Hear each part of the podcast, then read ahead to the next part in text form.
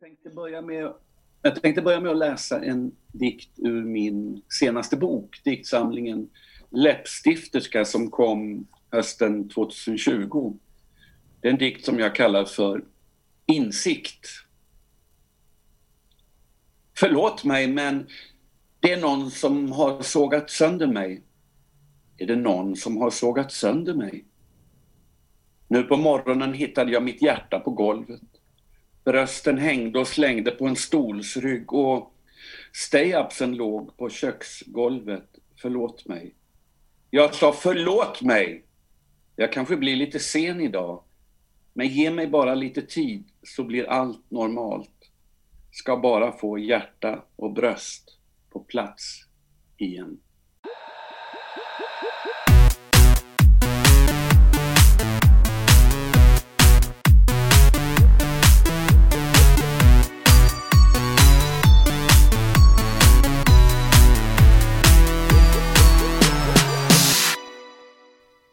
Hallå! Hej. jag tänkte att jag skulle börja prata på några, säga några härliga på några olika språk, men jag säger bara hallå och välkomna till Ytspänning, en podd där vi rör oss i farvatten mellan yta och djup. Kön, identitet och sexualitet i en salig blandning passar verkligen in på dagens avsnitt. Alltså verkligen. Mycket bra sammanfattat Ja. denna vecka. Ja, det har vi skrivit ihop en gång för länge sedan. Ja, det var har klokt. vi ju, men vi, vi, vi har nästan glömt bort det och hållit på med vårat guppa på ytan och dyka ner till havsbotten och grejer. Mm, men vi, vi, har, vi är så mångfacetterade. Oh. Ja, herregud. Hur är det med dig, Alexa? Ja, alltså det är faktiskt bra, det ska jag säga. Eh, Jag sitter och är alldeles lycklig över mitt senaste boxfynd. Jag är ju en sån här liksom eh, boxjunkie, alltså beautyboxes som jag prenumererar på. Mm. Ja, och, och fick min senaste box från Bioderma, eh, den här fantastiska Soothing Micellar Cleansing Foaming Gel. När jag fick den här var jag jätteexalterad, för jag gillar ju Bioderma. Mm. Eh, och, och huden blir så jävla återfuktad av den här alltså. Och Du riktigt glänser. Ja, ja, gud, den, den har sålt in sig på mig något så vansinnigt. Och nu sitter jag här och gör gratis reklam för Bioderma i Ja. podden. Vi är så generösa. Ja, jag måste säga det. Ja. Ja, nej men så med mig är det bra. Hur mår du? Hur mår jag? Ja, men jag mår lite uh, hej baberiba. Mm. Ehm, ja, jag vet inte. Jag tycker alltid att jag blir lite konstig här. Precis när, när solen återkommer och Mm. man känner att man säger åh, nu ska man vara glad och lycklig. Då blir det som en liten, uh, ett litet, ett litet fall. Mm, relate kan jag säga. Relate. Man har levt länge utan solljus och vi har dessutom levt ett fucking jävla år med covid-19 och det börjar ju också kännas sådär, Mm. det är någonting som känns, just att vi har gått ett helt år nu, att man börjar Ja, se det börjar kännas ordentligt. Ja, det känns Definitivt. igen, just det, den här Mm. tiden samma år, då var det fortfarande att det blir jävligt störigt. Ja, det blir det. Ja, precis. Vid den här tiden eh, förra året så var vi också restriktioner. Ja, Ja, ja nej, men precis. det är Ett helt år. sjukt. ja med hopp om eh, en eh, härlig framtid där alla får vaccinera sig snabbt och vi får kasta oss ut och eh, hångla och resa. Du, tror inte du att det kommer bli så här, historien upprepar sig? Så här, 1920-talet var ju den här glada, festliga tiden strax innan Nazityskland liksom. Tror du Mm. att det kan bli så? Jag, jag tänker att det blir så efter corona.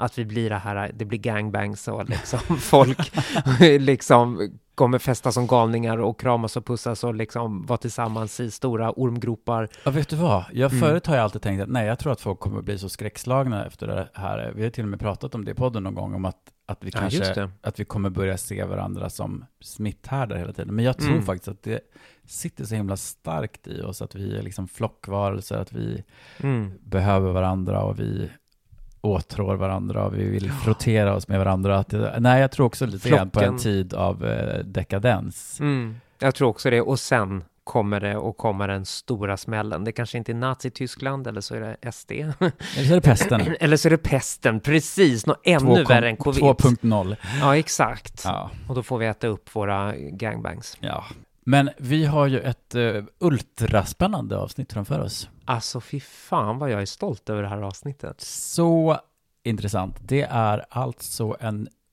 väldigt intressant eh, författare, journalist, vän till dig. Ja. Vem är det vi ska möta? Vi ska möta den eminenta Fredrik Ekelund Marisol M. Hamnarbetarförfattaren som kom ut som transvestit för bara några år sedan och som har skrivit böcker som eh, självbiografin Q om hur det var att komma ut som transvestit eh, och nu senast eh, diktsamlingen Läppstifterska.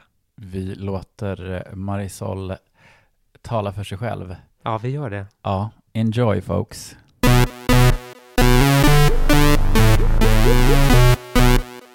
Jag är i Stockholm och hälsar på pappa. Det är vår. En solig aprildag, friskt och klart i luften. Jag vandrar ner för backen på Drottninggatan från Observatorielunden och när jag kommer förbi H&M's skyltfönster mellan Bryggargatan och Mäster Samuelsgatan så ser jag en skyltdocka. Det är hennes hållning, någonting i den som får blixten att slå ner i mig. Du är hon, hon är du. Det är där jag upptäcker mig själva. Jag är hon, hon är jag. Hon är ljusblixten som klyver mig, får mig att förstå vem jag är. Kan du minnas hur du tänkte om transvestiter innan det här ögonblicket? Eller vad, hur din syn var på folk som avvek liksom kring kön och genus? Ja, jag kan nog säga som så att det var ingenting som, så som jag tänkte på speciellt mycket. Varken negativt eller positivt. I, i så fall kanske i en viss positiv mening för jag hade stött på transvestiter ute i världen, i Chile och i Berlin en fantastisk kväll 1986 när jag var ute och festade i, i bögkvarteren vid Nollendorfplats där min på den tiden bäste vän bodde. Eh, och i Santiago var det också i festsammanhang och, och, och, min känsla var ju bara positiv. Jag tyckte att de var häftiga och och de jag tänker på nu, de var också väldigt vackra så att jag var ju sådär, jag blev lite hooked måste jag säga. Blev du lite såhär tranny chaser?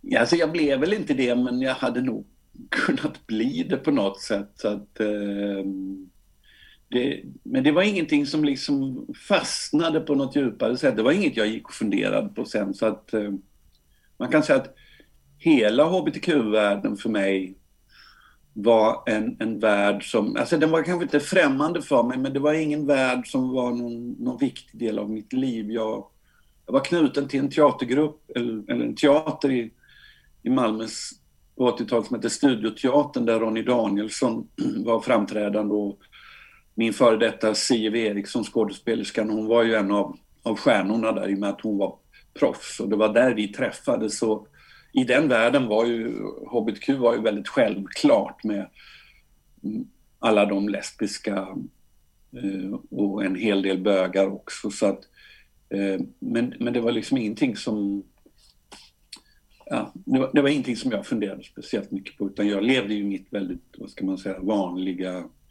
heteroliv. Eh, dels innan men sen då framförallt när jag blev tillsammans med Siv och vi fick två barn och sånt där. Så att, eh, det är klart att det är en stor gåta i mitt liv det här. Hur, varför kom det just där och hur kunde det komma så sent? Varför förstod jag inte tidigare? Jag har funderat väldigt, väldigt mycket på det och jag tror att det som händer där på Drottninggatan, jag förstod inte den händelsen förrän en tre, fyra år, eller kanske till och med fem, sex år senare.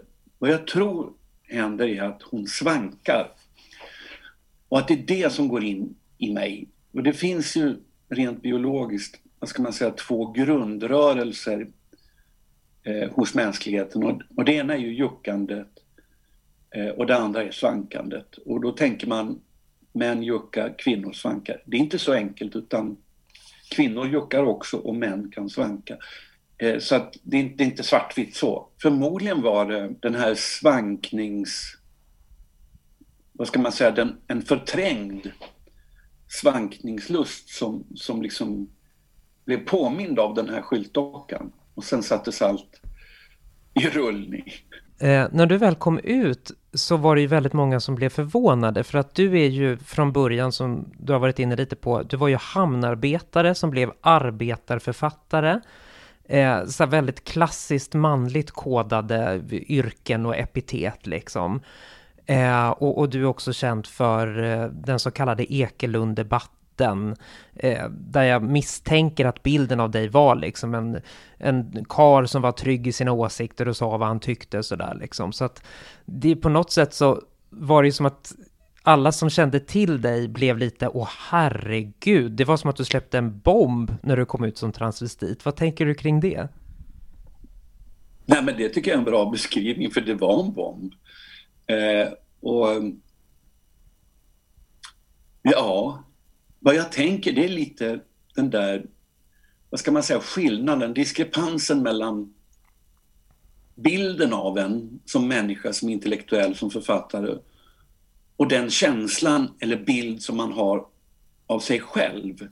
Därför att jag har alltid upplevt den skillnaden som lite komisk att folk, när jag är läkarbarn, eh, liksom har beskrivit mig som arbetarförfattare. Ja, alltså jag har ju sett det som en, en komplimang och som ett fint epitet men redan i min debutroman så är jag ju väldigt tydlig med min klassbakgrund även om den handlar om om hamnarbetare. Så det där har jag alltid tagit lite med en nypa salt. Eh, men visst, eh, fotbollen har spelat en viktig roll i mitt liv och många associerar den med, med macho och manlighet. Och, och eh, även om jag tycker att jag kanske alltid varit en typ av spelare som har varit mer liksom en dribbler och ballettdansör på planen än, än ingen sån där riktig tuffing. Ehm, så att det, där, det där kan man prata länge om. Men, men, men, när det gäller hamnarbetare så finns det ju ingenting att diskutera. Det är själva sinnebilden för tuffhet och manlig hårdhet och så. Så att eh, utifrån det så förstår jag ju visst att folk häpnade. Men, men de som verkligen känner mig och har liksom varit mina vänner i, i många år, där, där fanns det ju också förvåning men kanske inte just den här enorma bomb känslan för, för, ja jag vet inte men jag kan ju tänka mig att jag upplevts också som, alltså jag har gett ut flera diktsamlingar också som en, en rätt känslig person med, med kvinnliga drag också på något sätt. Va? Så att, eh, men för de som har haft den här mediebilden av mig som hamnarbetare med stort H och arbetarförfattare med stort A så måste det ha varit en fullkomlig chock. Och hur upplever du det liksom? Alltså, fick du någon identitetskris av att eh, jag har ju alltid kunnat liksom gömma mig bakom den här rollen och så helt plötsligt så kommer jag in i eh, en grupp som ändå är liksom en av de mest utsatta eh, grupperna i samhället som är just transvestiter. Nej, eftersom jag, alltså sedan många år tillbaka så hade jag ju liksom hittat mig själv på något sätt som författare och jag har skrivit två självbiografiska böcker, bland annat en barndomsskildring som heter Fader vår där jag för första gången vågade närma mig mitt inre och de psykiska problem som jag hade som barn med panikångest och också en känsla av, av klyvnad. Så att jag var på något sätt klar över vem jag var och min egen känslighet när när allt det här kom. Sen kom ju det med själva transvestismen och det är klart att det komplicerade bilden men just det där med, med känsligheten och någon slags kvinnlighet, det, det, det, det, var redan en del av mig. Så att när jag skrev Q så var den liksom inget brott mot den tidigare, vad ska man säga, det jag hade skrivit tidigare utan det var en logisk följd som jag ser det nu av de två självbiografiska romanerna Fader vår Tack för ljuset och, och en, en ungdomsskildring eh, som heter Som om vi aldrig hade gått här. Där, där finns liksom de här ångestattackerna och kluvnadskänslan. De finns beskrivna där men, men utan det här, vad ska man säga, genusmässiga som, som sen dök upp. Va? Men det finns ju, det hänger ju ihop, allting hänger ihop. Men när du ser den här svankande skyltdockan, Eh, och, och, är det liksom väldigt tydligt för dig med en gång att du tänker kring en klyvnad i dig att du är transvestit? Eller hur närmar du dig liksom transvestit eller transsexualism? Eller vad, vad var dina tankar i början av det här utforskandet? Den direkta tanken samma dag och samma kväll eh, eh, jag, pappa hade kvar de hade kvar lägenheten på Strandvägen så jag, jag skulle sova där i deras jungfrukammare ensam. Eh, och där hade jag bott många gånger och, och sådär precis bakom köket. Och det var glasklart för mig att jag var transvestit. Det här med transsexualism eh, det fanns inte riktigt på kartan vad det var för mig utan det var just den här eh, uh, fokuseringen på, på kvinnliga kläder, trosor, stay-ups, bhar och sånt där. Så att um, det här med transsexualism och kunskapen om det, det kom långt senare när jag började sätta mig in i det hela. och började läsa på. Men vad som hände direkt var att dagen efter när jag åkte tillbaks till Malmö och kom hem till vårt radhus på Limhamn med fem tonåringar och min sambo. Eh, det var ju att jag var tvungen att berätta om detta. Och då åkte vi ut till brofästet och jag var fruktansvärt nervös och, och min sambo mådde ju dåligt för hon förstod ju att det var något stort. Jag hade då haft cancer några år tidigare så att jag vet inte vad hon tänkte va, men jag, jag vet att barnen, när jag skulle berätta för dem något år senare att de tänkte omedelbart att nu är cancern tillbaka. Men så var det ju inte utan det var ju det här. Och, och när jag sa det så, så, så bröt ju hon ihop för hon blev väldigt eh, hon blev chockad och jag blev väldigt ledsen över att hon blev så chockad. Så att vi hamnade i någon slags limbo där därför att jag hade en sån enorm skamkänsla för hela så att jag förbjöd henne att, att säga ordet transvestit, transvestism. Mm, så vi talade om det som det. Och hon ville att vi skulle gå i terapi och jag vägrade för jag tyckte inte det var någon mening för jag skulle ändå aldrig våga prata om vad det handlade om. Men sen gick tiden och jag gav efter och så började vi gå i terapi i Malmö och då efter några månader så började vi kunna använda ordet på rätt sätt och sådär så att då var det ju något, någon tyngd som släppte i alla fall. Men det var en smärtsam och, och problematisk process, verkligen. Alltså det... Ja men precis, och när du börjar din transresa så är ju en grej du gör, det är att du tar promenader i skymningen som Marisol. Det är nästan som en ritual att du liksom klär om och sminkar dig, sätter på peruken och, och ger dig ut på stan i mörkret. Liksom. Kan du berätta lite om det? Varför är de här promenaderna så viktiga? Ja, men vad som hände var att vi separerade och så sålde vi huset och så flyttade jag till en... Eh, vi gjorde det som vänner och, och så där. Vi insåg att det här var lite för problematiskt. Då, så att, eh, då flyttade jag till en, en liten bostadsrätt, inte så långt ifrån där vi hade haft huset. Och det var där jag för första gången började experimentera med med uttryck alltså, och, och, kläder och peruker och allt sånt där. Och, ja, sen plötsligt så kom ju den där första promenaden i skymningen och det var ju fullständigt svindlande. Eh, jag minns ju det som igår. Det var ju... Jag bor i ett ganska vanligt bostadsområde men det finns också en närhet till, till villaområden här så att det var mest i de här villaområdena som jag gick för där visste jag att där är det är liksom ingen ute där på kvällarna. Möter man någon så är det någon som rastar sin hund. Men, men skymningen är ju transvestiternas absolut bästa kompis. Så att det, var, det, var, det var fullständigt svindlande känsla att, att våga. Jag förstår fortfarande inte hur jag vågade. Dels ta sig ner genom trappuppgången. Sen är det en liten närbutik precis nedanför min balkong där det hänger rätt mycket ungdomar på kvällarna. Alltså det fanns så många komponenter som spelade in.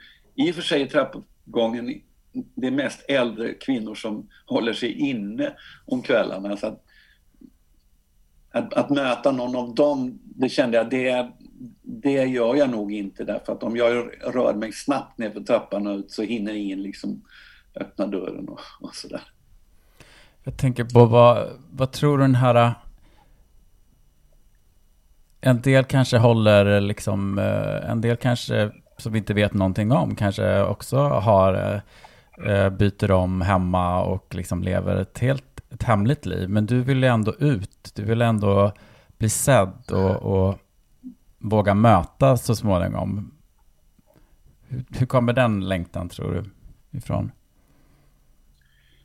Dels så tror jag att jag har väl ett visst exhibitionistiskt drag som trans, att jag tycker om att visa upp mig. Eftersom jag kom till ett läge när jag tyckte att jag fick ordning på peruker och smink och kläder och, och så var det en väninna som sa till mig liksom att, att jag hade så jävla snygga ben och fin rumpa. Och, alltså det där var så lustigt upptäckt för att mina ben har ju alltid bara varit någonting som jag har använt för att transportera kroppen till olika ställen och, och de har ju varit väsentliga i fotbollen. Det är ju liksom, det är ju benens lek verkligen. Men det är ju aldrig någonting som jag har tänkt på något som skulle kunna ha att göra med skönhet eller estetik. Men sen när jag såg framför spegeln att hmm, det här kanske inte var så dumt så, så gav ju det ett självförtroende som bidrog till att jag vågade mig ut såklart. Eh, det är ju, det är ju många faktorer. En annan är nog också det här med att med tiden som författare så har jag hamnat i en eh, slags självbiografisk tradition där man inte ryggar för något, där, där hela poängen är att man är ärlig med sitt liv. Och då hamnade jag ju i en väldigt svår situation därför att jag, jag var mitt i en omvälvningsprocess som vände upp och ner fullständigt på mitt liv. Och första reaktionen rent litterärt, eller vad ska jag säga, författarmässigt var ju att det här kommer jag aldrig att kunna skriva om för det är för skamligt. Det kommer inte att gå. Men så gick tiden och sen plötsligt så, så såg jag ju att, att om jag ska kunna komma framåt och utvecklas som författare så måste jag ju våga ta det steget.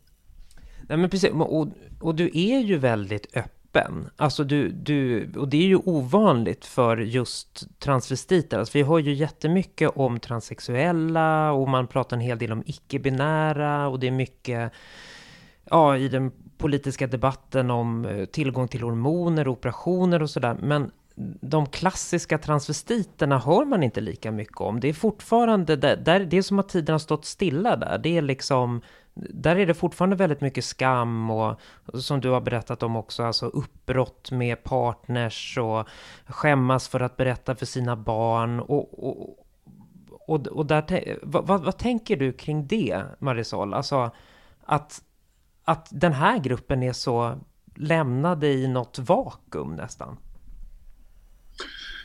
Ja, jag har funderat lite på det där. Eh, det är precis som att den här gamla föreställningen om oss, att den lever fortfarande kvar väldigt starkt. Och I och med att det är sånt stort fokus på transsexuella och hormoner och, och könsdysfori eh, så hamnar vi ofta lite i skuggan av det där och blir inte alltid tagna på allvar.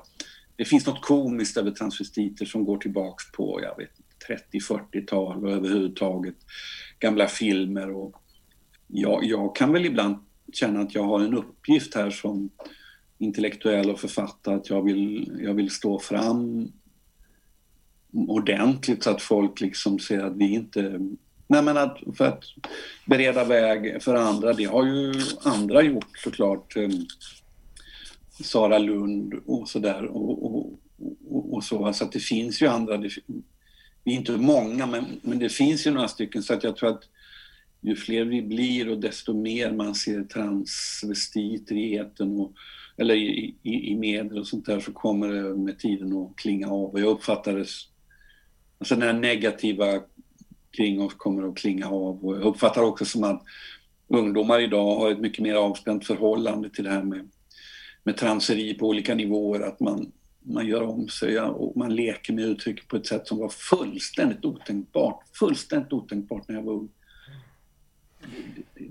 så att det är en enorm förändring som har inträffat på bara några decennier.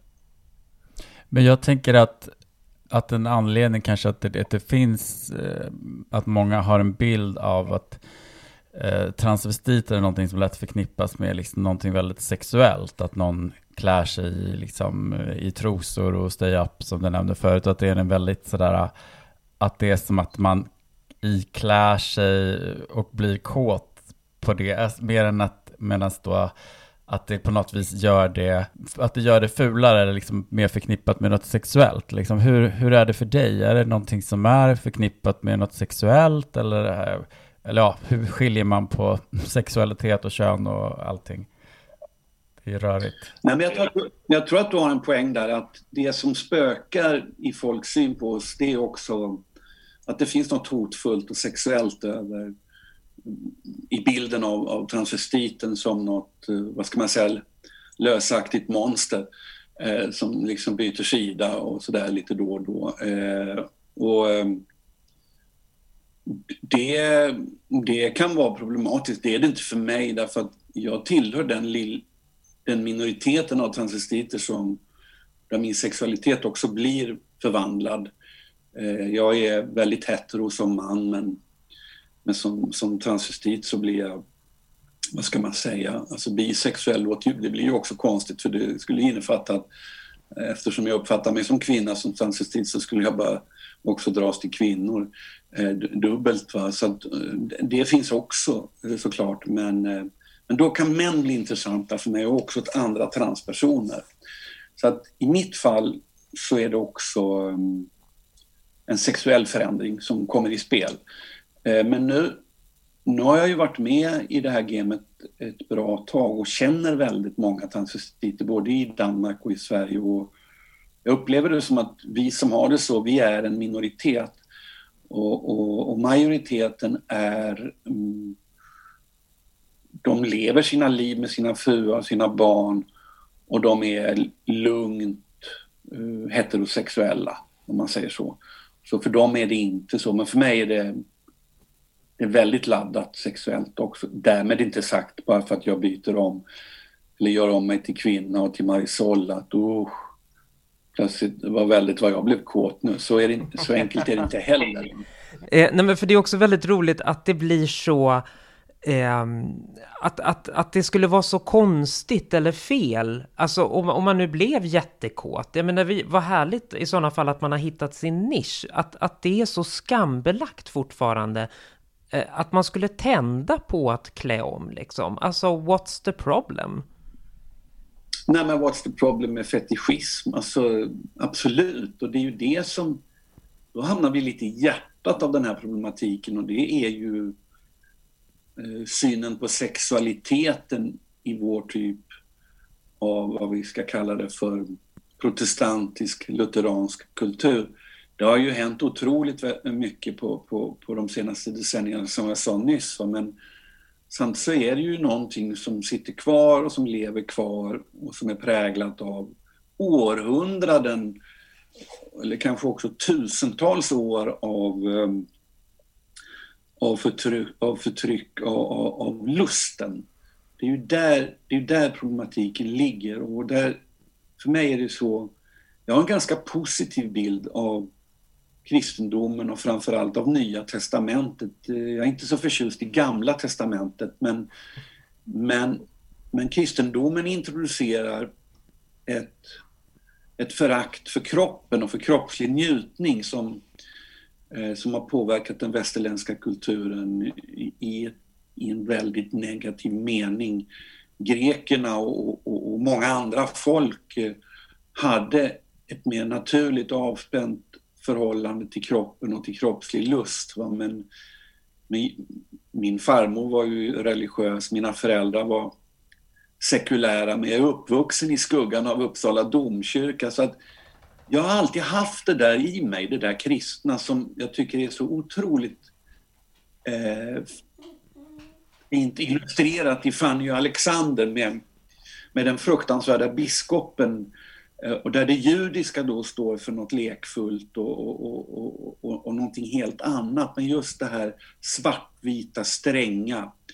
Eh, det har jag haft i mig. Mina föräldrar var inte det men de kom också ur en sån kultur så att det fanns där på något sätt nedärvt kulturellt. Så att väldigt mycket i mitt liv har varit ett krig mot skammen långt innan jag upp, upp, eh, upptäckte min transvestism. Eh, men, men nu känner jag att jag, jag är fri från det där. Jag, det, det, är, livet är för kort för att hålla på med den där skammen. Men, men det är problematiskt och det vet ju ni båda att det är ju den som tar död mm. på väldigt många transer som begår självmord. Det är den som knäcker många och, och tvingar in dem i, i, i alkohol och narkotikamissbruk och, och så. så att, eh,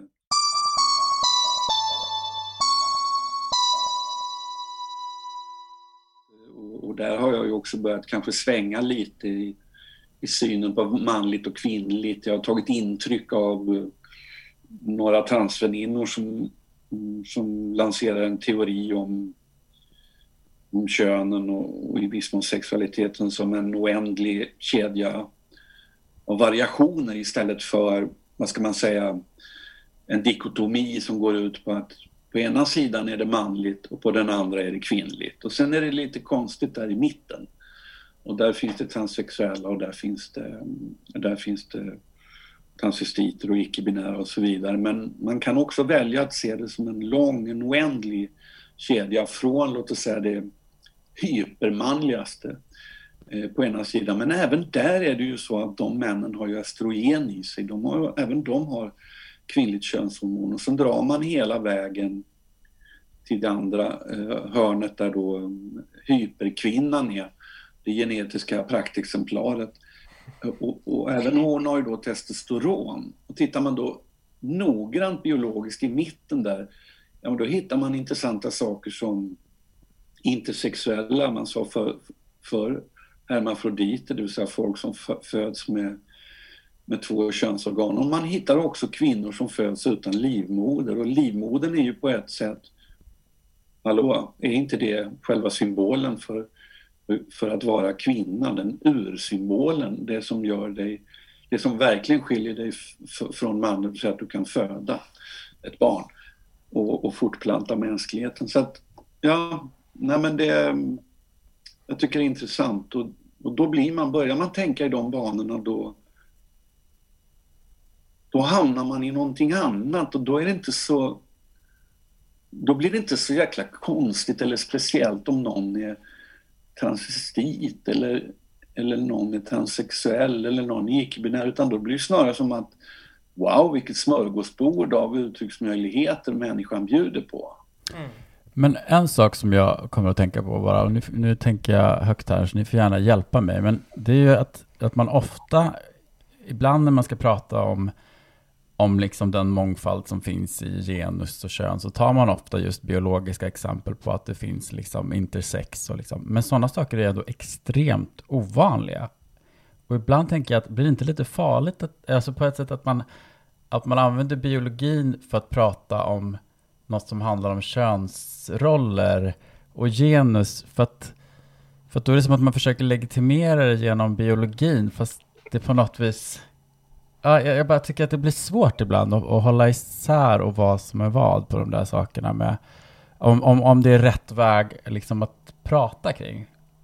Mm. Förstår ni vad jag tänker?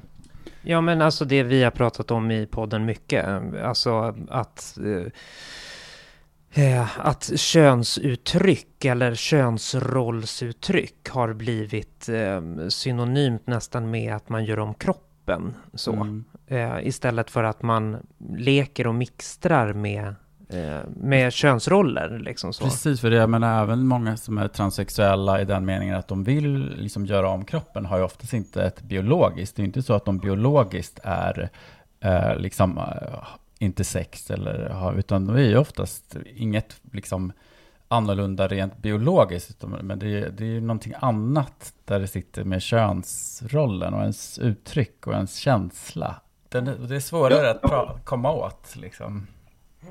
Ja, men jag, jag, jag, tycker att du har en poäng, men, men jag kan också tycka att det är ganska häftigt att naturen, det vill säga evolutionen, bjuder på det här.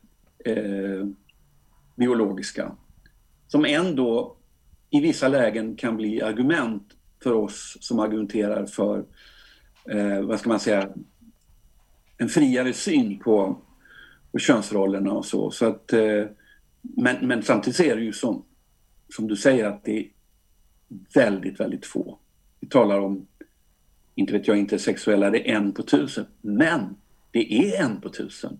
Och då, då kan jag tycka att visst, idealsituationen, då ska man inte behöva kanske hänvända sig till biologin. Va? Men, men, men, men, då, men då kan man faktiskt göra det.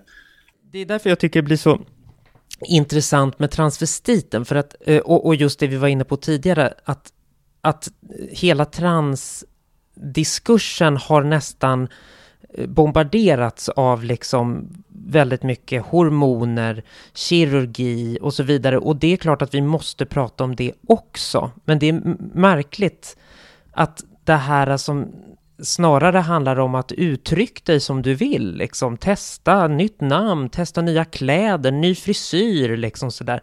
Att det har nästan blivit sekundärt. Det börjar handla mera om, eller knappt ens, inte ens sekundärt, det har blivit liksom långt ut i marginalen. Utan det som är på tapeten är väldigt mycket hormoner, korrigering, eh, som, som, ehm, och jag menar, jag har ju själv gjort en sån process, så att jag menar, I'm not judging, jag bara, jag, jag, I'm just thinking, att det har blivit som att befästa kön, fast en ny, ett nytt sätt att se på kön, snarare än att vi luckrar upp och, och, och vågar testa utan att det ska betyda en massa saker om vår essens liksom. Ja, eh, du sätter fingret på en öm punkt och jag, jag kan ibland lida, eh, alltså lida är för starkt ord, men kan kanske irritera mig lite på att eh, man inom transrörelsen och transorganisationerna ägnar en väldigt stor uppmärksamhet åt könsdysfori, hormoner, kirurgin och så vidare. Och att vi transvestiter, eh, vi kan hamna lite offside i skuggan där och och jag vet inte riktigt vad det handlar om. Det, jag tycker bara att det är lite sorgligt därför att eh, jag sitter ju, jag, jag kan ju ingenting om detta för det första. Varför ska jag kunna något om, om eh, om, om, om hur det går till när man gör om sig och, och alla de debatterna. Det är inte min värld. Det är en ganska stor skillnad mellan den världen och min värld. Min värld är peruker, kjolar, smink, eh, kvinnlighet. Det är den som fascinerar mig, som intresserar mig. Sen känner jag mig solidarisk med de transsexuella och deras kamp. Absolut. Och jag tycker också att det är bra och rätt att vi är organiserade i samma typ av organisationer, både i i Danmark och Sverige men, men jag, jag, jag, tycker att eh, ibland missar man oss och det är precis som att vi skulle vara ytliga. Det är klart att vi är, men vi är också väldigt djupa och det finns ingen, finns ingen motsättning mellan yta och djup i min värld. Varken, varken när det gäller kropp eller när det gäller litterärt eller konstnärligt. Det, det, det, så är det inte, utan allting hänger ihop. Halleluja, du, du där, predikar ytspännings... Nej men det där, det där, det där kan jag, det, jag stör mig på det här som ni märker. Va? Så att, um, vad jag tänkte säga vidare där är att jag kan ibland då när jag blir som mest irriterad eh, tänka hela tanken ut, en transsexuell har väl för fan ingenting med trans att göra. Det hade det att göra. Men de har ju opererats, nu är de ju liksom helgjutna på den andra sidan, i stort sett helgjutna. Eh, de har fått nya könsorgan, de har fått riktiga bröst och, och, håret växer på, på ett sätt som det ska och, och hyn är, är snuskigt eh, len eh, och så vidare och så vidare. Vad fan har det med trans att göra? Trans betyder övergång och gräns.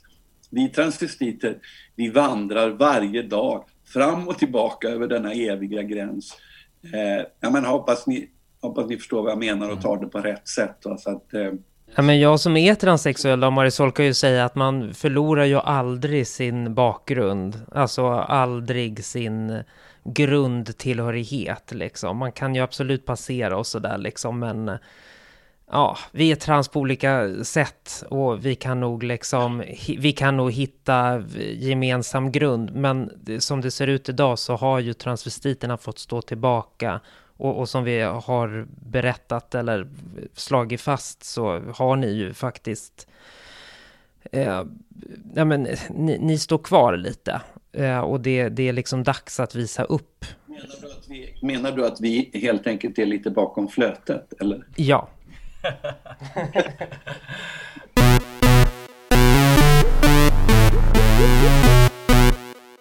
Den Fredrik Ekelund som sökte sig till hamnen var ganska, vad ska man säga, känslig och osäker ung man, 19 år, 20 kanske. Jag visste inte alls vad jag skulle göra i livet. Jag hade gått humanistisk linje på gymnasiet, hade varit i Paris, hade varit och jobbat på en gård på Irland och ville inte läsa i Lund, eh, även om jag hade någon tanke om att jag ville läsa nordiska språk, för jag var språkintresserad. Ehm, så var det en kompis som tipsade mig om hamnen, att det var bra där, för man fick betalt direkt, kontant i handen. Och jag skulle ha min första lägenhet, jag behövde pengar och sådär så jag cyklade ner men, men jag var en ganska skör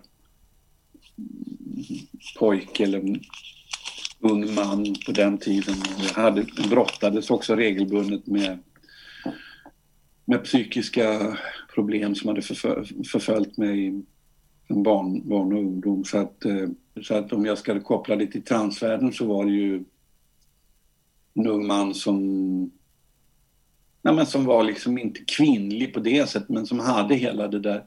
Några år senare när jag hade jobbat i hamnen så var jag ju en ganska tuff person. Jag tror att många uppfattade mig som det. Ehm, det fysiska arbetet hade gjort sitt till. Det var kunde vara väldigt tuff, hårda jobb.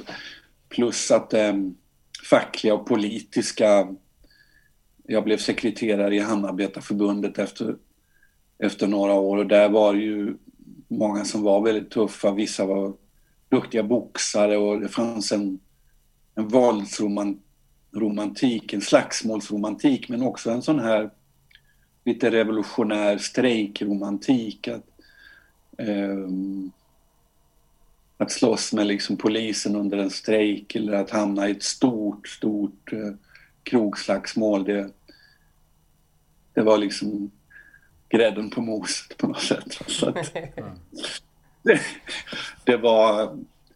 Så, det, det, så att på något sätt så förmanligades jag nog under de där åren. Men bakom det där så... Jag kommer ihåg min, min flickvän där under något år. Hon, hon, kände inte igen mig. Vi hade gått på gymnasiet tillsammans och hon skrek åt mig en kväll. Vad fan, kan du bara vara dig själv? Då hade jag börjat gå omkring och se ut lite som om jag snusade. Jag snusade inte men många i hamnen snusade och de såg ut så här. Eh, och jag tyckte det var lite läckert men jag, jag ville inte snusa. Men så omedvetet så tog jag till mig vissa manlighetsmönster plus att jag började tala någon konstig norrländska därför att flera av de fackliga liksom, hjältarna eller bar... de, de var norrlänningar och, och det, det, präglade vissa möten och sånt där. Så omedvetet, lite som i Woody Allens Selig, om ni har sett den underbara filmen, när han, han blir hela tiden den han träffar. Han går in på en grekisk restaurang och sitter där någon timme, sen kommer han ut och då är han, väger han 110 kilo och ser ut som en grek.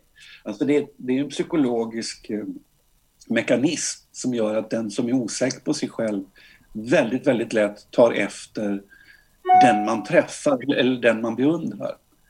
Eh, så det där var under en period... Eh, jag blev förmanligad på det sättet, Jag tog till mig också som ett skydd kanske mot min egen känslighet, att det blev en, en sköld.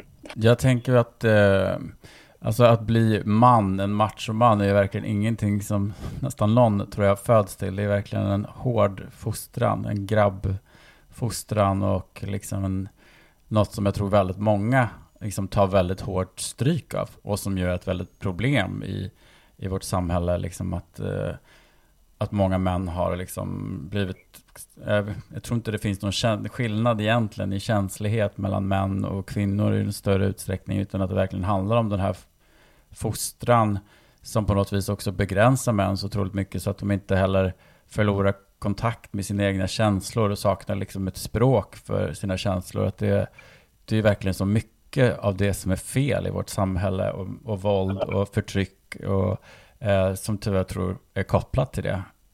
Det är otroligt problematiskt. Jag, jag håller helt med.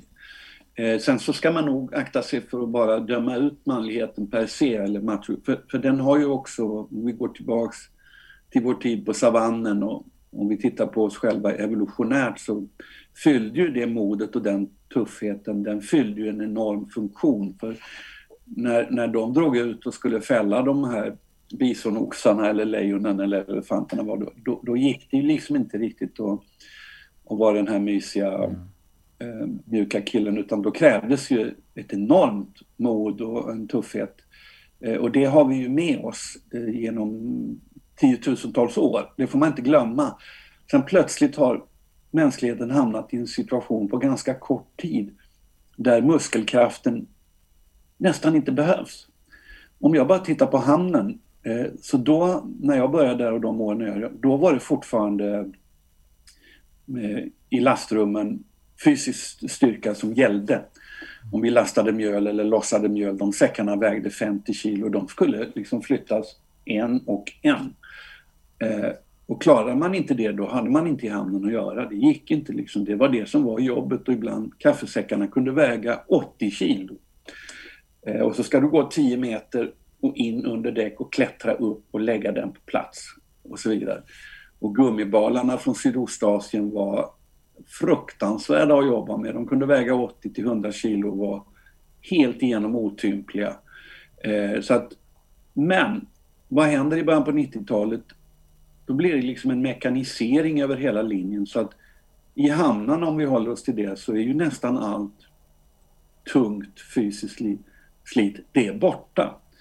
Vad innebär detta då rent, vad ska man, mm, alltså rent kroppsligt? Jo, det innebär att den här manligheten, den fysiska manligheten, den muskelkraften, den behövs inte längre eh, i det moderna samhället. Och det här tror jag är kärnan i den tragedi som vi, som vi ser nu inom framförallt den vita arbetarklassen i USA och, och Västeuropa och kanske i viss mån också i Sverige att de som liksom förlitade sig på muskelkraften och det här som det man byggde sin identitet på de, de har ingen identitet längre. Det finns ingen om, om de inte kan hitta rätt till kvinnan i sig eller den kvinnliga kraften i sig och hitta ett nytt sätt att vara på. Det här, det här är... Nu sticker jag ut hakan lite här. Va?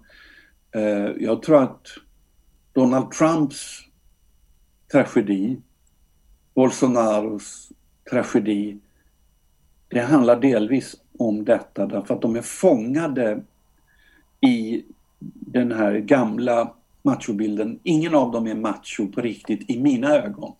De är, de är, de är inte det utan det är ett machoskal. För att en, en machoman i mina ögon det kan mycket väl vara en man som Hoa Hoa Dahlgren eller någon som, som, som liksom hänger ihop psykiskt. Det vill säga har en kontakt med sin anima, med sin kvinnliga kraft. Det har inte Donald Trump. Och det har inte Bolsonaro enligt min mening. Och då, därför blir de livsfarliga. Eh, de blir livsfarliga eftersom eh, de har inte kontakt med den så kallade svagheten i sig. De kan inte erkänna nederlag. De kan inte vara ödmjuk och den personen som inte kan erkänna ett nederlag eh, blir, kan bli livsfarlig. Och här talar vi om folk som som är, kan vara livsfarliga för, för tusentals, för att inte säga miljontals människor och som har tillgång till, till vapenmakt och så vidare. Så att eh, allt det här hänger ihop i min värld. Det, det, därför, och jag, jag, jag, kan sakna det i analysen av Donald Trump, den här vem är han som person? Alltså vem är han som man? Mm. Han är en, i mina ögon en extremt misslyckad man. En parodi på, vad ska vi säga, den västerländska vita, vita mannen som längtar tillbaks till något som inte längre finns och som vi aldrig längre kommer att se igen. Så att kanske är det i bästa meningen dödsryckningen av, av det, det mansidealet idealet som vi såg den 6 januari med stormningen av, av Kapitolium. En händelse som skulle ha kunnat bli mycket, mycket, mycket värre för framförallt för det amerikanska folket, men kanske också utan, utanför USA. Um, Preach!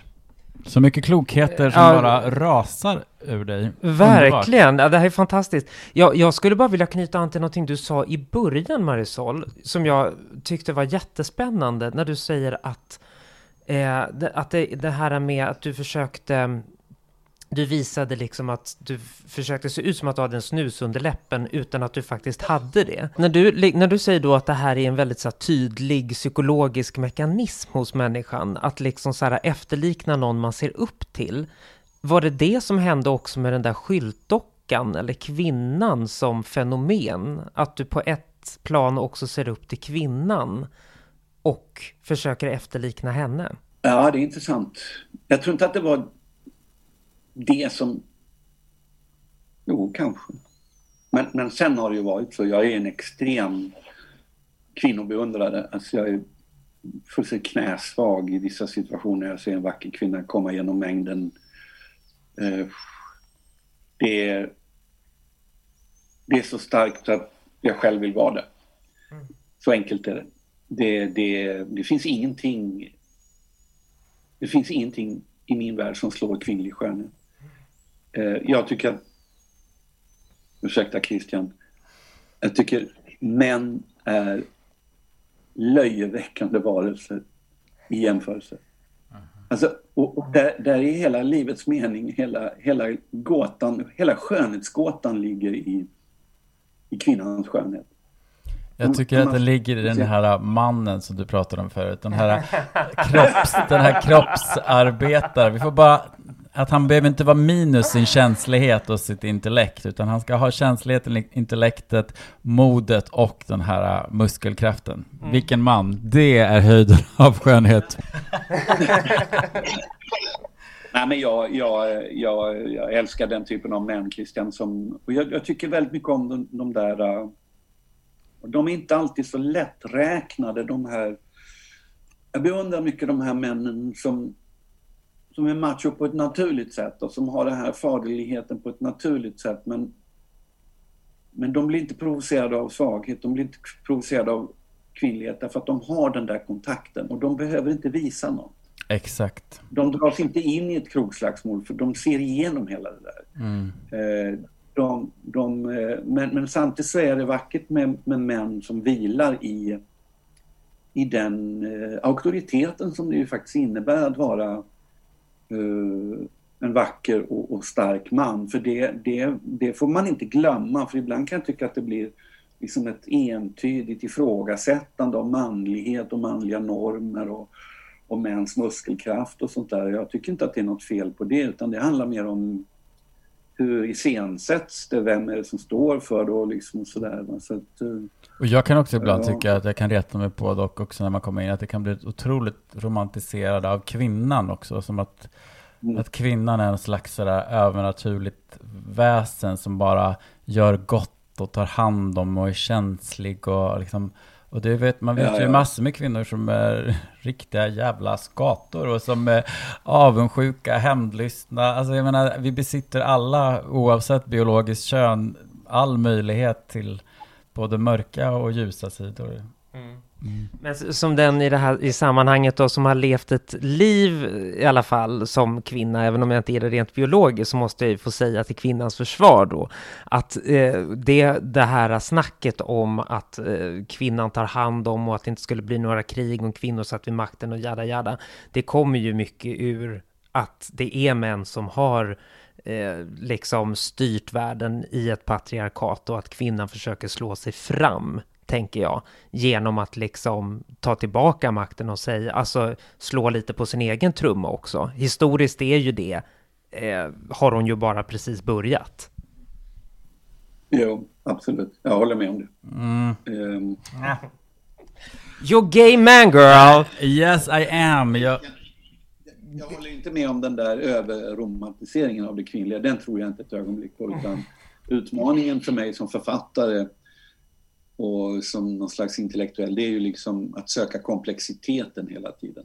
Eh, eh, vi måste börja avrunda, men jag tänker att vi har varit inne lite på liksom livet som transvestit och de avigsidor det kan ha. Det eh, kan vara kopplat till ensamhet och, och sådär, men för att end on the positive note, som du brukar säga Christian, så eh, ska vi väl ändå vara transparenta med det att du lever ett väldigt gott liv idag och att alla de här svårare perioderna har lett fram till att livet faktiskt är härligt now, nowadays. Transparent var det, absolut. Nej men det är precis så som du säger, jag känner mig lyckligt försonad eh, med, med alla de här konflikterna och de här problemen som, som dök upp i och med att jag erkände för mig själv vad det handlade om. Så att jag,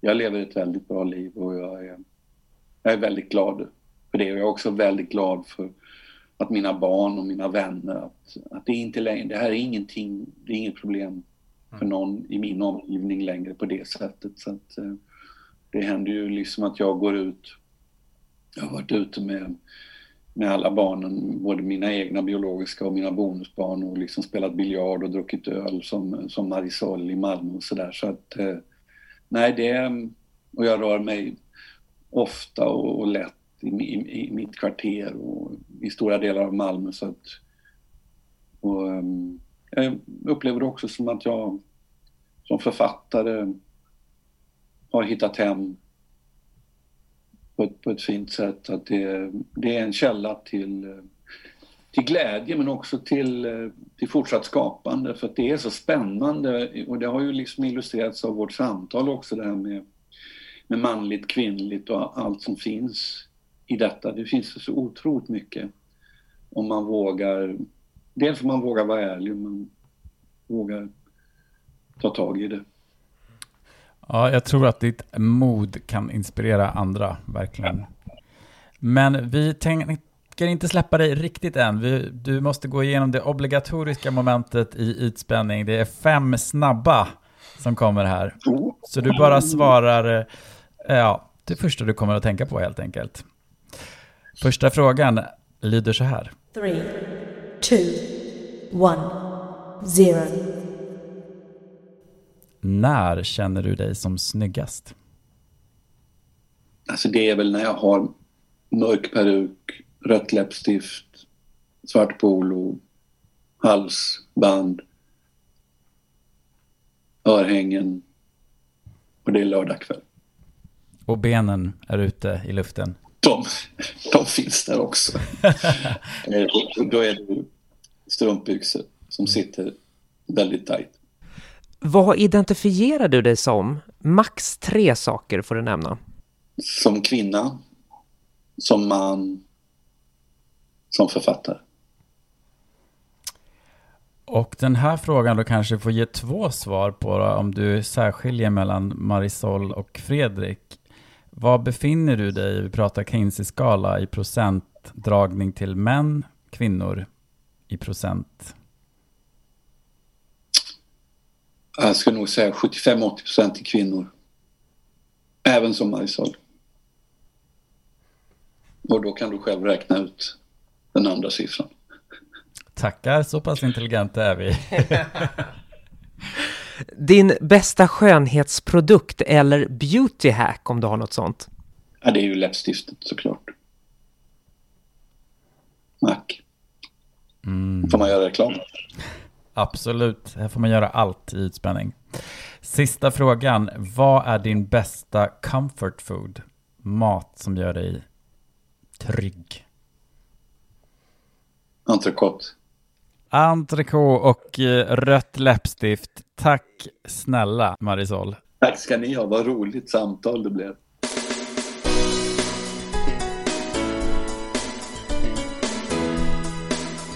Och eh, vad vill vi säga mer, Alexa? Bara att ni ska lyssna igen nästa vecka måste vi väl Ja, näst, nästa torsdag är vi tillbaka. Ja, just det. Om två veckor. Ja, precis. Och som vanligt, DMa oss. Vi finns på Instagram, Utspanning Podcast och förstås mejladress också. Utspanningpodcast.gmail.com Och eh, annars önskar vi er eh, ha det så härligt. Hoppas det behöver vara Ha det så sol. jävla bra. Ha det Ja. så jävla bra. och just det, ja puss och eh, det här måste vi ju säga en gång för alla. Om ni gillar podden så ge oss 10 miljoner stjärnor. Och Ja, sprid ordet. Ytspänning ska ta över världen. det är vi värda. Det är vi. Ja, Yes. ut med det. Ut. Tack. Tack. Kram, puss. Kram puss. Hej.